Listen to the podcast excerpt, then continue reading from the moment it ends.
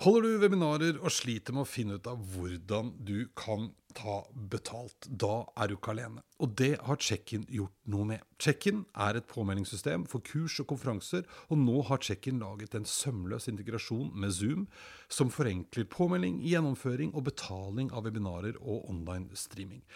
Sjekk ut checkin.no slash 30 minutter for å finne ut hvordan du kan tjene penger på dine webinarer med Check-in.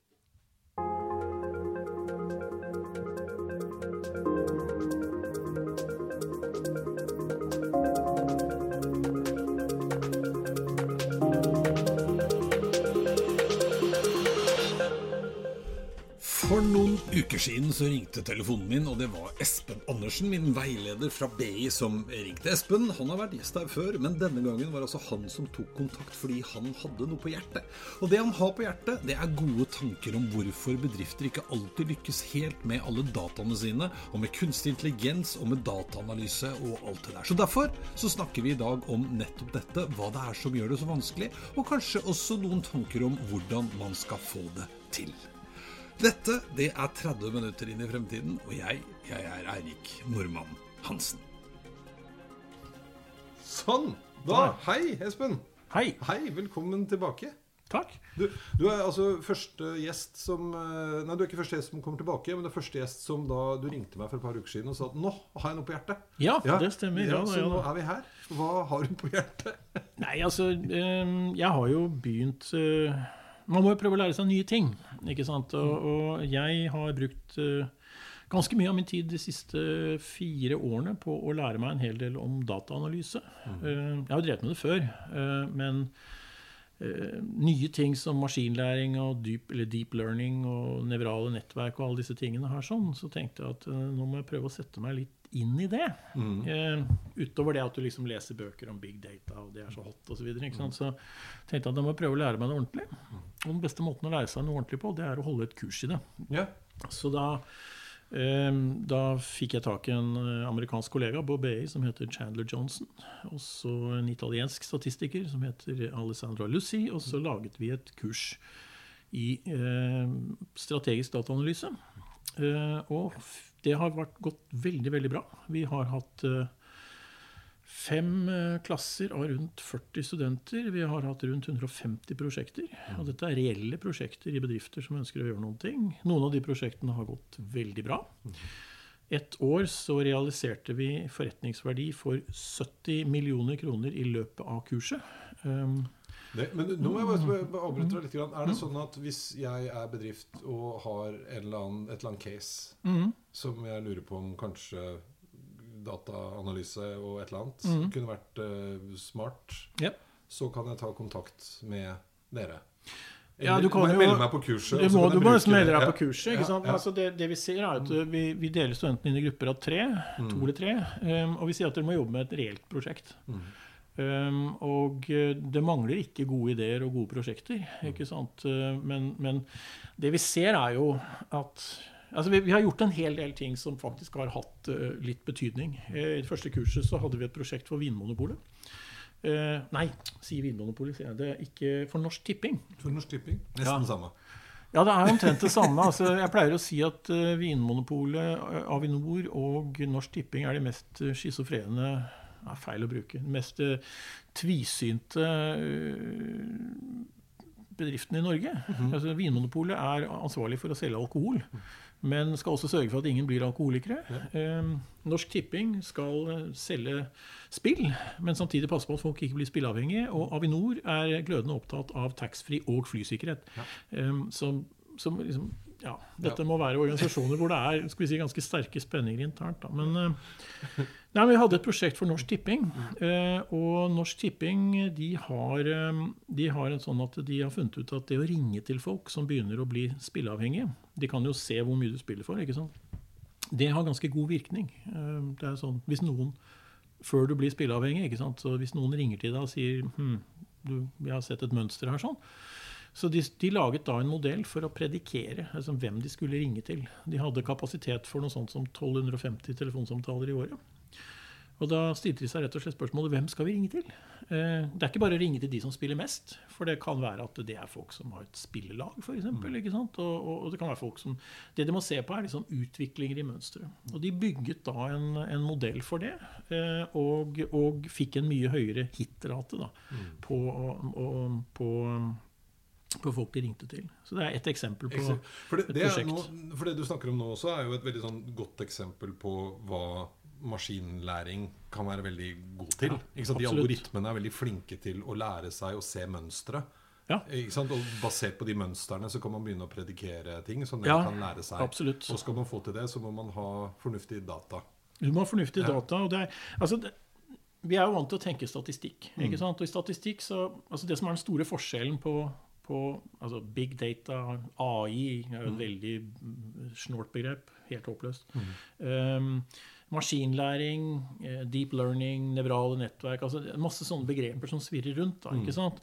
Men det som er den store forskjellen da, mm. eh, Jeg har jobbet med statistikk før. ikke sant? Og I statistikk så er det typisk eh, du skal finne ut av hvor mange er det som er interessert i å kjøpe et eller annet produkt. og Så går du ut og så tar du et utvalg. Mm. Snakker du med 500 mennesker, eller noe sånt, og så gjør du en eller annen beregning som sier noe om liksom, hvor mange som skal kjøpe nye vinterdekk i år, eller et eller annet sånt. Noe. Og det, det fungerer jo ganske greit, men det er upresist.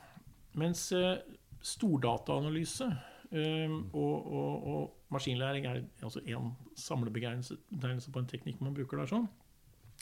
Det som gjør liksom moderne dataanalyse for meg, da, det er at du tar ikke et utvalg, du har alle dataene. Mm. Alt sammen. Eh, enorme datamengder. Eh, teknikkene vi bruker, de ble utviklet på, for mange år siden. Det er bare at nå har datamaskinene blitt så kraftige at eh, hvem som helst kan gjøre det. Verktøyene kan du laste ned hvis du er interessert i å drive med maskinlæring. Så kan du laste ned noe som heter Anaconda. Mm. Installere det på maskinen din. Det tar en times tid. Eh, da har du det verktøysettet som alle proffene bruker. Um, og uh, dette er open source, er gratis, og det bare fungerer. Mm. Det tar muligens og kneler maskinen din litt hvis du putter på for mye stoff, men um, uh, det fungerer i hvert fall. Og så er det Den andre forskjellen er at vi er ikke ute etter å si liksom um, hvor mange av kundene våre kommer til å forlate oss eh, neste år. Mm. ikke sant? Altså 3 liksom eller 4 mm. Det du gjør, er at du tar alle kundene dine og så bygger du en modell på dem. Mm. Og så sier du, så kan du plukke ut én en enkelt kunde. Og så sier du hvor, Jeg er et forsikringsselskap. Her har vi Eirik. Mm. Hva er sannsynligheten for at akkurat Eirik forlater oss mm. til neste år? Og, det, eh, og det, da vil hver enkelt observasjon ha forskjellige sannsynligheter. Og så må du bestemme deg for at liksom, hvis sannsynligheten for at han forlater oss, er over 0,5 f.eks., så, så ringer vi ham og gir ham litt bedre pris, eller liksom gjør et eller annet. Mm. For det er jo da det begynner å bli ordentlig egentlig interessant å bruke dette. da Men ja. Eh, nå avbrøt jeg deg litt, for det du ringte meg og sa, var at du hadde lyst til å snakke om hvorfor eh, bedrifter i dag mislykkes med ja. ikke få det til. Ja, det som, er, det som er problemet, det, det, kurset, mm. det er jo eh, et kurs for å lære ledere å snakke med dataanalytikere. Mm. Ikke sant? Og skal du snakke med dataanalytikere, så må du skjønne nok av hva de gjør, mm. til at du ikke spør dem om å gjøre noe som ikke er mulig. Mm. Uh, vi hadde et annet eksempel. Eksempel. det, var jo, det er ikke så mange eksempler vi kan snakke om, for de fleste er jo svært uh, bedriftshemmeligheter. Men vi kan snakke om Oslo renholdsverk, for det er en offentlig bedrift. Eh, og der kom det inn eh, noen veldig smarte folk som mm. ville optimalisere søppelbilflyten mm. i, eh, i, Oslo. De hadde et problem at, at, alle bilene kjørte ut om morgenen. Så ble de fulle i løpet av dagen, og så kommer de tilbake til og skal tømmes på Grønmo, og da ble det lang kø. Mm. Så hvordan kan vi liksom ordne dette her sånn? Og de fant for så vidt noen ganske enkle løsninger på å gjøre det. Men er, da måtte vi fortelle dem at det er, et, det er, et, problem som ikke kan løses med maskinlæring. Det er et mhm. såkalt uh, ryggsekkproblem. Altså et kombinatorisk problem. Um, som er sånn at uh, det er greit nok å løse hvis du har ti biler. Uh, det blir veldig mye vanskeligere hvis du har 20. Og hvis du har 100, så det, kan det ikke løses optimalt. Men og, da må de på mange måter komme dit at liksom, hva er det egentlig vi er ute etter? Og da endret de etter hvert prosjektet fra hvordan skal vi optimalisere søppelbilflyten, til kan vi predikere om en søppelkasse er full eller ikke. Mm. Ikke sant? Og det, mye av læringen vi ser, er jo liksom dette er å gå fra liksom, vi skal gjøre noe sånt, til å gjøre noe helt presist. Sist, ja. Ja. Være nøyere. Ja. Det husker jeg. Litt sånn flashback til eh, sånn eh, hovedfagsoppgave på BI, det, Espen. Jeg var ofte inne hos deg og måtte Ja. snevre inn Ja, det er, det er altså, det, jeg bruker, Når jeg har veileder studenter, så bruker jeg gjerne de første seks månedene til å fortelle at du, du må bli mer konkret. Ja. Eh, Det er tre ting jeg sier. Du må bli mer konkret. Og så må du snevre inn problemstillingen til noe som er eh, litt mindre. Og så må du gå og snakke med noen. Ja. Og det er forbausende mange studenter som oppdager at det å gå ut og snakke med noen, det gjør at de da får de et helt annet syn på hva problemet egentlig er, ja. ja, ja, ja. Ja. Og det, er vel, det, oppdager vi jo også Vi har vel hatt en rundt 150 prosjekter nå som vi har veiledet. Eh, En, en hel del av dem har hatt ganske store økonomiske konsekvenser for de bedriftene. positive. Eh, Men jeg får jo ikke lov til å snakke om dem. Nei, nei, nei. Er, eh, men eh, ja, det har vært f.eks. For forsikringsselskaper som har klart å identifisere svindel, da, for eksempel, mye mer presist. Eh, eh, Men vi har jo oppdaget da, at det er en, vil, altså, det er en del bommerter som går igjen hos bedrifter. Og, og ja, fire-fem forskjellige ting vi har observert, og akkurat nå sitter vi og jobber med å liksom, ja, skrive dette litt mer formelt. Da? Men én ting vi ser med en gang, det er jo at en veldig vanlig motivasjon for bedrifter for å begynne med dette, her, det er liksom Vi har så mye data. Ja. Vi har så mye data! Har så mye data. Ja, så mye data. Ja, og, og, og, det, og det må da, dette må vi kunne bruke til noe. ikke sant? Ja. Og så setter de i gang, og så oppdager du ganske fort at de altså, Jeg pleier å si at hvis du tror du har data, så har du det ikke. Hvis du vet du har data, det er noe annet. Men hvis du tror du har data, og vi har så mye data, ikke sant? så vil du ganske fort finne ut at du har helt sikkert lagret en hel masse ting. Men, eh, men det er ikke verdt noe som helst. Nei. Nei. Så for eksempel, liksom, typisk hvis du skal eh, eh, bruke data til å ehm, eh, identifisere et problem, da. La oss si at du er et, eh, et selskap som et, et strømselskap som har installert en masse uh, Dette er en reell problemstilling. Da, ikke sant? Du, du har et strømselskap som har installert alle disse moderne målerne som nå står i disse smarte målerne som står i alle folks hjem. Og så skal du prøve å identifisere hvilke målere som er feil installert. Du har kanskje et par hundre tusen av dem installert. Og så kan du kontakte de målerne, og noen av dem er det feil på. Så hvordan skal du finne ut av det? Uh, Dette var et reelt proble- problem.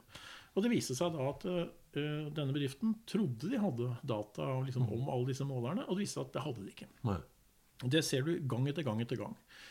Annet uh, strømselskap som jeg har jobbet litt med, ikke sant? Eh, de som genererer strøm fra vannkraft, altså selve strømprodusentene, Uh, de tror de har masse data, og så viser det seg at eh, de har eh, turbiner fra 30-tallet og frem til hypermoderne. Det er 16 forskjellige leverandører som ikke vil gi dem dataene, og det ene med det andre. Det må sammenstilles og alt mulig sånt noe. Og så er det en spesialklasse, og det er jo de, de, de folkene som mangler data med merkelapper. Ikke sant? Ja.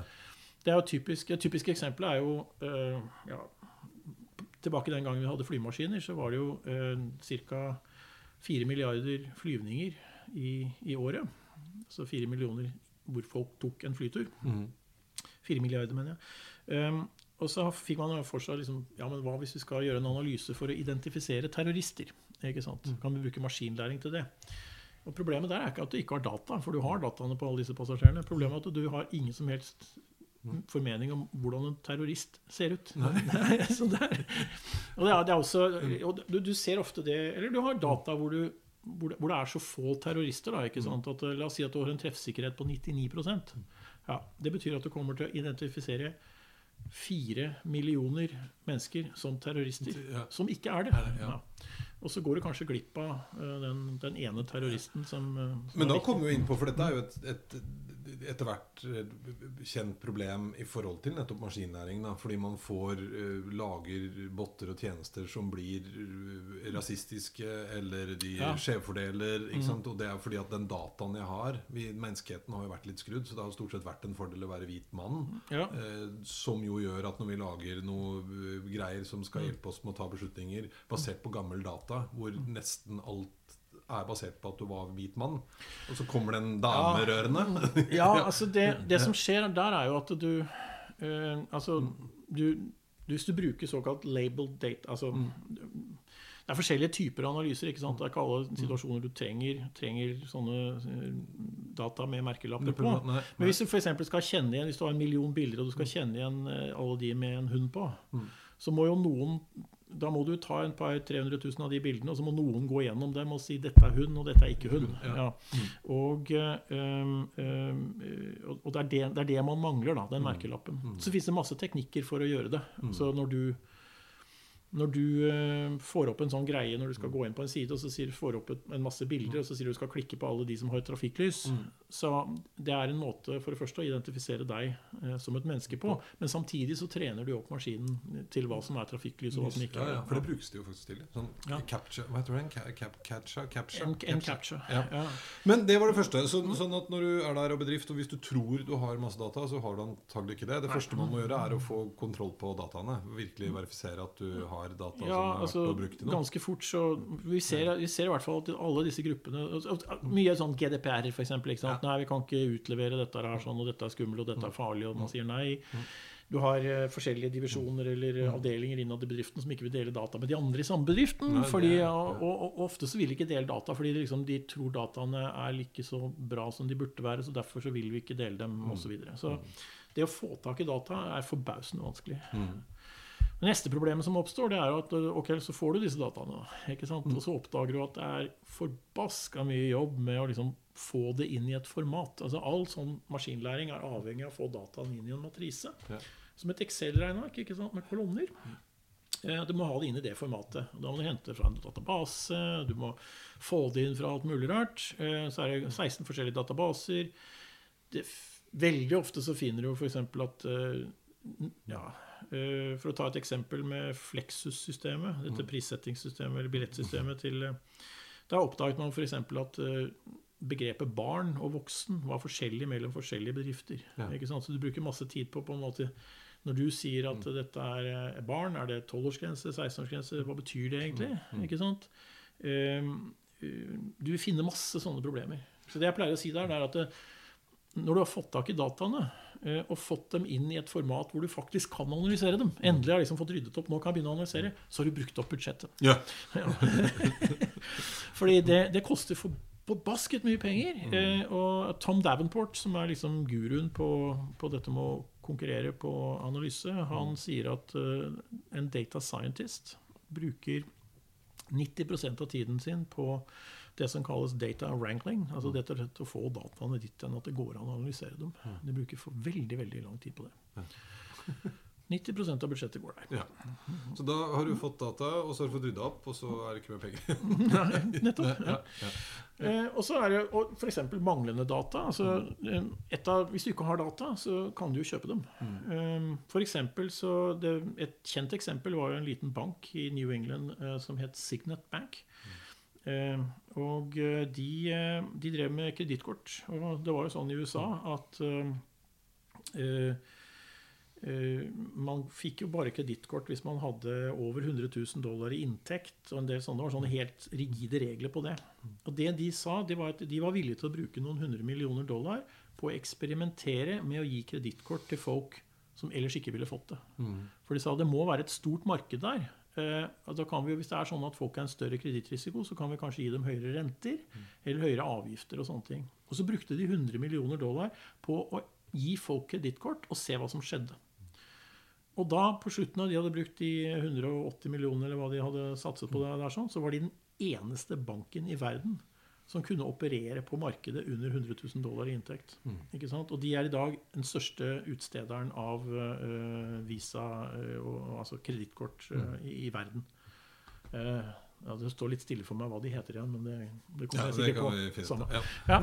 Men altså, så det er liksom, Hvis du ikke har data, så må du faktisk være villig til å betale for det. Ikke sant? Og det eh, for, å, for å få vite noe. Og det, det kommer til å koste mye penger. Ja, og da snakker vi om å skaffe data, for det var det de gjorde. ikke sant? Satte av budsjett og rett og slett begynte å lære. Samle nye data. Hvis det ikke finnes data på dette området, og du tror det er interessant, så må du faktisk være villig til å betale for det. Betale, ja. Ja.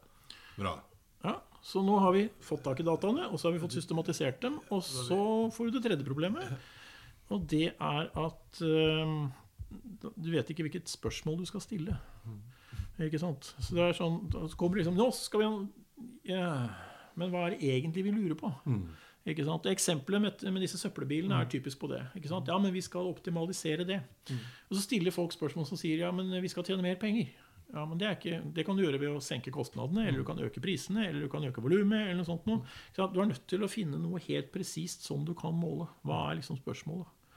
Det ser vi folk sliter med. da, ikke? Når du først har fått all dataen, så vet du ikke hva du skal spille. Men er det også, tror du, fordi at man ofte, i hvert fall forretningsverden, blir veldig sånn si, intuitivt drevet av å spare penger eller effektivisere for å optimalisere? Altså, Spørsmålet blir for stort, da. Som du sa. Altså, Det er jo relatert til det problemet du hadde som student med meg som veileder. ikke sant? At du må, du må få spørsmålet ned med en spesifikasjonsgrad som gjør at du liksom kan si noen ting. ikke sant? ja, Ja. ja. Er, du kan ikke si liksom Hvem av kundene våre kommer til å forlate oss? Du må, du må, du må få det ned til hvor nøyaktig kan jeg si eh, at denne kunden kommer til å forlate meg eller ikke? Så er det jo faktisk sånn at eh, altså, Du ser ofte sånn liksom, sånn som f.eks. Eh, Lånekassen hadde et veldig vellykket prosjekt. Eh, fordi de, så, de, de hadde sånn eh, borteboerstipend, og så kontrollerte de en viss gruppe. Eh, Jeg husker ikke helt tallene, men det var sånn at eh, når de testet, så fant de at omtrent 5% eller noe slikt svindlet. Eller, altså bodde faktisk ikke hjemmefra selv om de skulle ha borteboerstipend. Um, og så brukte de maskinlæring uh, til, ikke til å identifisere hvem det var, men til å si hva er det vi kan se på denne gruppen her sånn?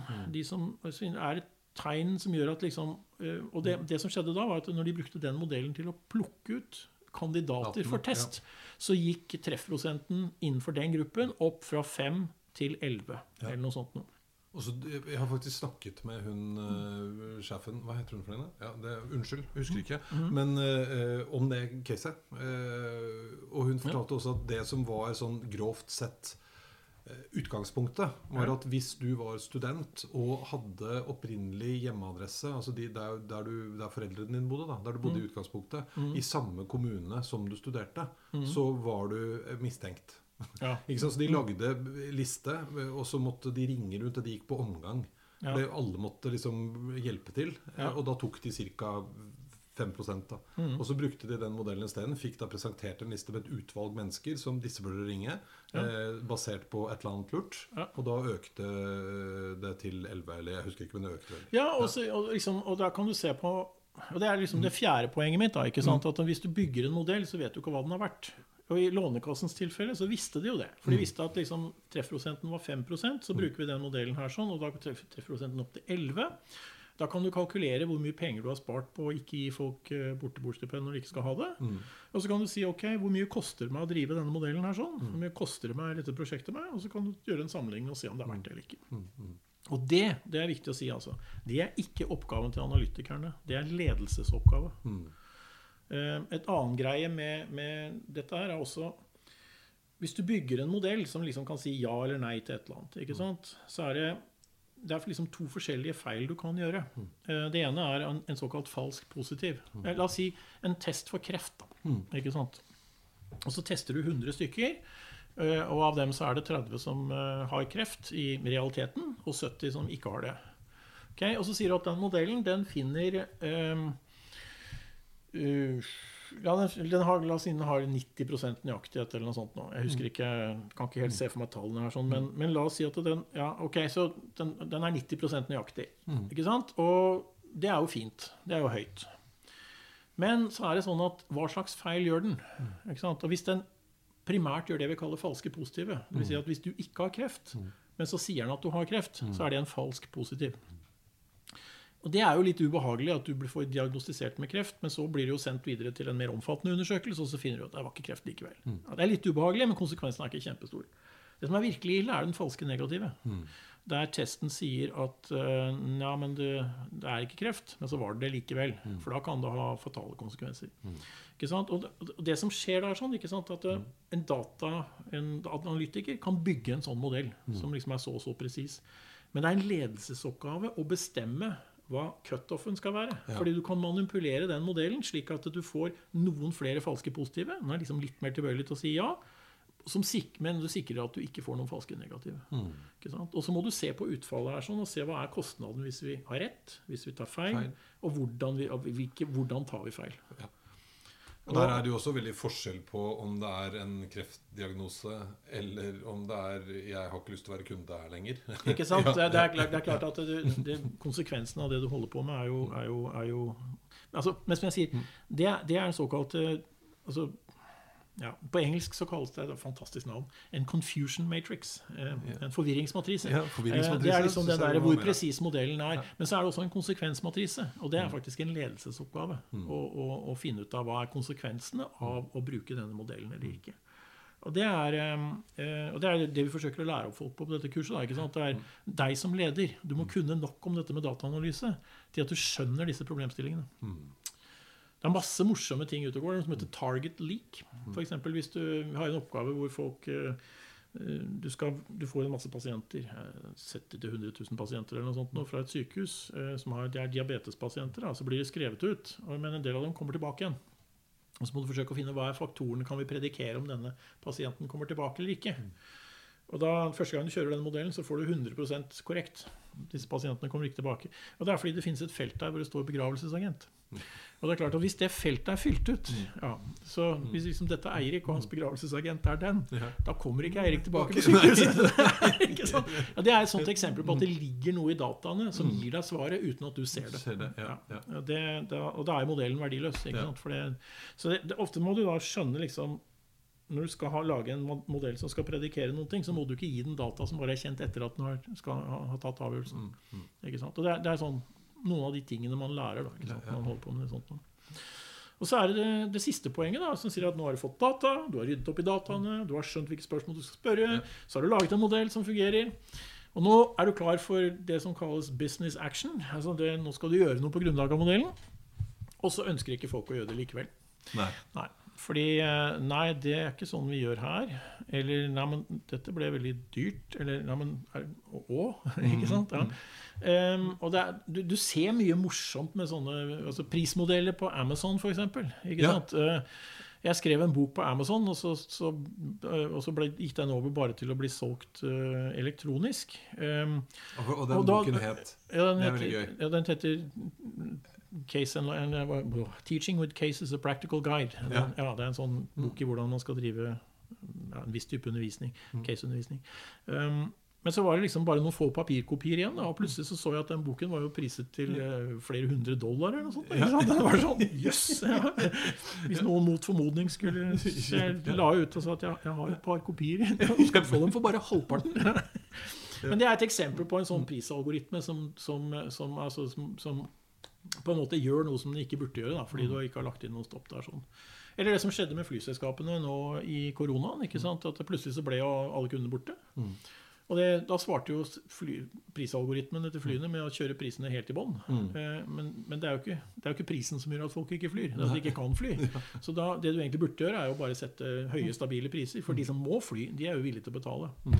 Og det har jo ført til, nå hvis du ser på det markedet der, sånn at nå ser det veldig er vanskelig å forutsi hva som skjer, fordi um, alle prismodellene er jo slått av. Ja. Eller kjerneeksempelet på at vi ikke gidder eller ikke ønsker å gjøre det, det som skjer. Det er jo, uh, dette er jo fått fra noen forsikringsselskaper her i Norge. at uh, De gjør ofte såkalte churn-analyser. Kommer mm. denne kunden til å forlate oss? Mm. Og Det de finner ut da, alle sammen, det er at uh, primærårsaken til at en kunde forlater et forsikringsselskap, det er at vedkommende har hatt en forsikringssak og er misfornøyd med oppgjøret. Og det ønsker de ikke å gjøre noe med. Altså, da får du en veldig presis modell som sier liksom, ja, denne kunden kommer til å forlate oss. Men den eneste måten å få den kunden, beholde den kunden, er å gi ham eller henne et bedre forsikringsoppgjør. Og det har man ikke lyst til. så, så der står man, da. Står, ja. Ja. Ja. Så, så, litt sånn, altså Det man skal være obs på, da, Mm. Grunnen til at man sliter litt med dette, er mm. at uh, hvis du tror du har mye data, så mm. har du antagelig ikke det. Da må vi få liksom verifisert at jeg har noe data som kan brukes til noe. Brukes til noe. Ja. Um, og så er ikke det nok, fordi at jeg får sikkert data fra 180 forskjellige kilder, og det skal være på et eller annet format, og det skal puttes inn i en eller annen matrise uh, som er konsistent og systematisk og ordentlig, og det er en kjempejobb å gjøre. Ja. Um, Og så sliter man litt med å finne ut av hva man faktisk skal spørre om. Og utfordringen er ofte at man tar for store eh, prøver å løse for store utfordringer, problemer. Ja, du må være veldig veldig spesifikk. Spesif- ja. Men et triks da må jo liksom være å begynne med det store spørsmålet. Altså bryte det ned til Ja. noen biter som kanskje er overkommelig. Og det i seg selv kan jo også være en veldig viktig læring, for da ser man plutselig årsaken til at det vi trodde var det store problemet, skyldes noe borti her. Ja. Ehm, og så eh, sliter man med å forstå hva modellen man har laget, er verdt. Eh, Ja. Rett og slett. Det er ofte, og det glemte jeg å si, da, ikke sant? at ofte så er det sånn at du kommer med en ny modell som gjør noen ting, men så vet du ikke hvor, altså, hvor effektivt den tidligere beslutningsmodellen var. Ikke sant? Et eksempel på dette er jo smittesporing. Mm. Den der Smittestopp-appen. Det var ingen som kunne fortelle hvor mye bedre den var enn den smittesporingen vi allerede har. Ja. Ikke sant? Ja, de ja, den kommer til å være så mye bedre. Ja, Vet dere det, eller tror dere det? Mm. Og det var ingen som hadde testet ikke sant, om den faktisk var bedre. Nei. Nei. Og så øh, Det siste er at når man da har fått til alt det, og så ser man noen resultater, og så har man rett og slett ikke lyst til å handle på bakgrunn av de resultatene. Sånn som det Ja, ikke sant? Oi, ikke vi skjønner hvorfor du blir borte som kunde, men, Men, det har vi eh, ikke lyst til å gjøre noe med. Nei. For det er jo forferdelig dyrt. Ja. Eller vanskelig. Eller ja. ja.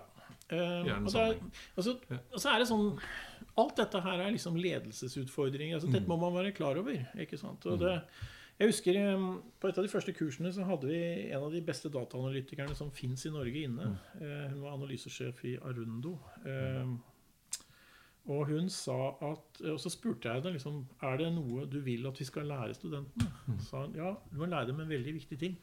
Av og til hender det at vi ikke finner noen ting. Ja, ja. Jeg husker jo med glede, da, når vi først har vært inne på det. Altså vår, øh, vår hovedoppgave, som det jo het den gangen, Ja. konkluderte jo med et rungende Vet ikke. Ja, eh, og det er jo et svar, det òg. men men hvis, vi skulle, hvis vi skulle trøste folk litt, da eh, For det er jo ikke, det er jo ikke, det er jo ikke håpløst. Nei, absolutt Ikke sant? Og det er det som er poenget ditt, egentlig. Mm. Ja. At hvis man nå bryter ting litt ned og går litt nøyere gjennom, ikke bare tar rennafart, men det det òg handler om, hører jeg, er jo at ledelsen, som ofte skal ta beslutningen om at man skal gjøre disse tingene, de må kanskje også ta seg bryet med å sette seg litt mer inn i hva dette er for noe. Man har kanskje litt for ofte nå trua på at hvis vi bare fòrer dette ned til noen dataanalytikere, så ordner de alt her i verden. Ja. Ja. Altså, det, det å lage det, sånne modeller, det er en, da, da må du ha dataanalytikere, og de gjør det for deg. Men det å liksom bestemme hvordan de skal brukes, og hva som er viktig, og hvilke, beslutninger vi skal ta på grunnlag av det, det er en ledelsesoppgave. Og det krever faktisk eh, kunnskaper. Er akkurat som jeg, En av de tingene jeg alltid sier, er at eh, vi lever i dag i en teknologisk tidsalder. Og som leder så må du skjønne teknologi. Det betyr ikke at du skal liksom være ekspert på det. Men du skal skjønne så mye at du ikke blir farlig. Og Det samme gjelder dette her med, med dataanalyse. Det finnes, Jeg har sett utrolige beslutningsmodeller i bedrifter som er bygget på bare med begge bena godt plantet i løse lufta. eh, og bygget på tradisjoner, og sånn gjør vi det her. Eh, helt feilaktig bruk av statistikk, og det brukes til å ta ganske viktige beslutninger. Så det kan rett og slett bli litt skummelt. Rett og slett, ja.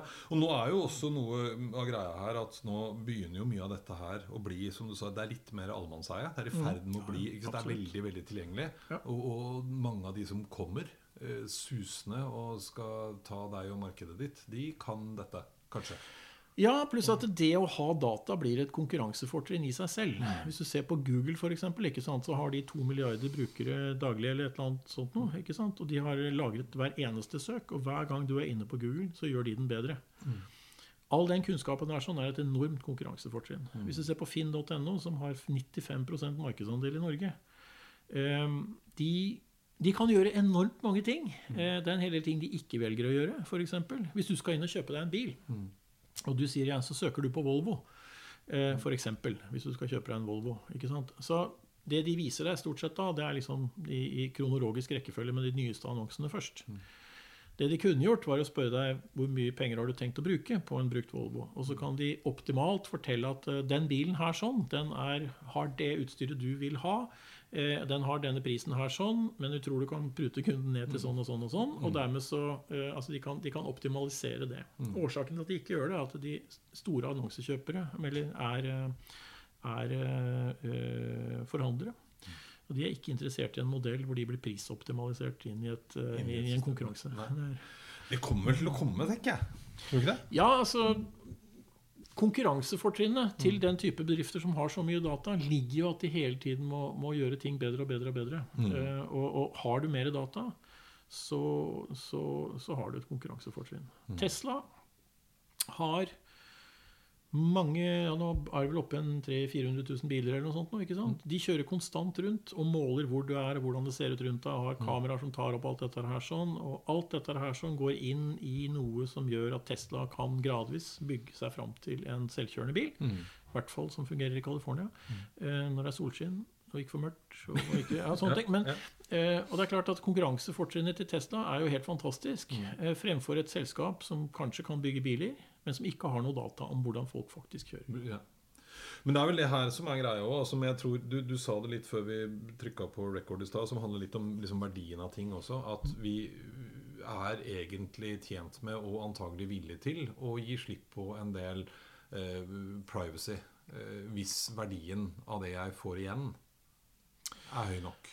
Ja, og det er jo Ja, da kan vi begynne å snakke om altså Vi må på en måte snu dette her. da. En av øvelsene vi gjør i det kurset, er å be studentene laste ned alle dataene fra Google, Facebook, LinkedIn eh, og andre tjenester, og se hva som fins. Og en hel del eh, tar seg jo en tenkepause når de ser det. ja, ja, ja. Eh, og eh, altså, vi må på mange måter Dette er et helt annet tema. Da, sant? Vi må på mange måter komme dit at istedenfor at vi gir alle dataene fra oss, og så kan folk gjøre hva som vil med det, så må vi på en måte komme til en situasjon hvor du eier dine egne data. Og så kan du gi ut helt spesifikke deler av dine data i bytte mot tjenester. Ja. Og ha en oversikt over hvem som har det. Det tror jeg jeg skal invitere deg tilbake til å, å snakke om en annen gang. Kanskje litt dårlig gjort å sånn hijacke deg i opptak, men eh, sånn ble det nå. Jeg må jo si ja til det. Ja, ikke sant? For nå har vi slutta. Det har gått eh, 30 minutter, og tusen hjertelig takk du ha.